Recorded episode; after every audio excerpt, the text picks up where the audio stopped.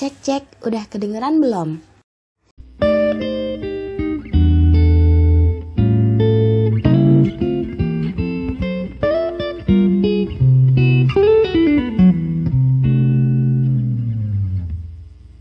Hai, aku APK. Oke, ternyata episode 2 dari review film aku masih mau membahas Birds of Prey Di mana sebelumnya aku udah ngomong sampai berbusa tentang film itu Rasa-rasanya masih belum puas karena aku emang sesuka itu sama filmnya.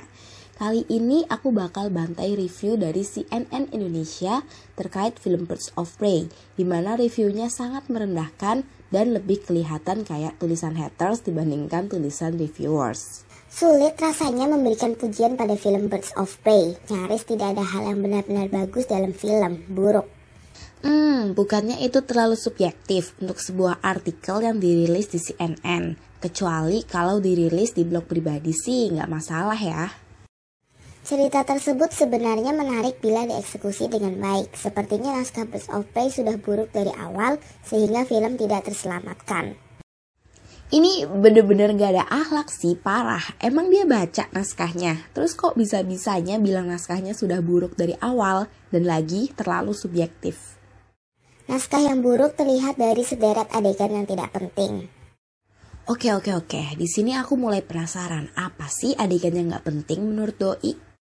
Dari sekian banyak adegan yang paling aneh adalah ketika Roman menjelaskan koleksi tengkorak manusia dari berbagai belahan dunia kepada Black Canary. Eh ini beneran dia nggak tahu apa motivasi dari adegan itu. Sini, aku kasih tahu. Adegan itu menggambarkan Roman udah percaya banget sama Black Canary sampai ngebahas hobinya sama cewek itu. Soalnya Canary ini kan ceritanya anak buah baru nih, tapi langsung dipercaya dan jadi anak emas banget gitu sampai pesuruh yang satunya tuh ada rasa iri. Dan koleksi tengkoraknya yang aneh juga menunjukkan betapa nggak warasnya Roman. Pun begitu dengan adegan ketika Harley mengadopsi Hyena. Adegan ini seakan hanya ingin menunjukkan kesadisan Harley, tetapi Hyena itu sendiri tidak berperan penting. Ya kan film ini cerita tentang Harley Quinn. Kenapa diprotes kalau mereka mau menggambarkan kesadisannya Harley? Lagian ini tuh penjual hienanya kan mesum gitu sama Harley. Dan tentunya sebagai cewek kita tuh risih banget kalau dimesumin sama cowok. Apa yang dilakukan Harley itu cewek banget in criminal level. Di mana dia langsung ngebunuh si mesum dengan dijadiin makanan untuk hienanya. Untuk menghidupkan karakter yang udah ada itu harus memperhatikan detail. Dalam kasus ini, dari komik ke film tentunya membutuhkan detail-detail yang menunjukkan, oh ini Harley Quinn banget nih. Salah satunya dengan memelihara Hena, karena Harley di komik kan memelihara Hena. Jadi itu peran penting dari Henanya. Cerita Birds of Prey akan tetap berjalan dengan baik tanpa dua adegan tersebut. Ya, iya sih, secara plot mungkin akan baik-baik aja, tapi itu namanya penguatan karakter. Jadi menurut aku sih sah-sah aja dua adegan itu ada dalam film. Hal buruk lain adalah alur cerita yang berantakan, sangat tidak nyaman untuk dinikmati. Aku tuh pernah diceritain sama Kareri, kakak tingkat aku di kampus dari UKM Forum Film.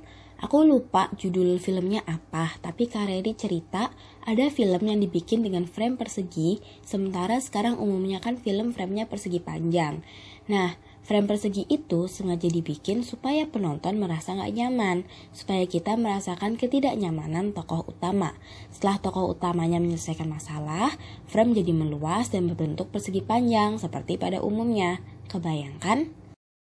Aku pikir film Birds of Prey juga sama. Alur maju mundur yang berantakan itu menggambarkan jalan pikir Harley Quinn yang emang aneh dan ngelantur, beda dari orang-orang biasanya. Jadi kita dibawa untuk merasakan keanehan Harley Quinn melalui alurnya.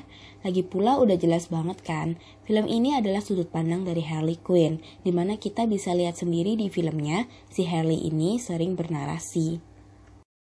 Keburukan Birds of Prey diperparah dengan isu emansipasi perempuan yang dinarasikan dalam film. Dari awal sampai akhir, film tidak ada adegan genah yang membawa pesan tentang emansipasi perempuan.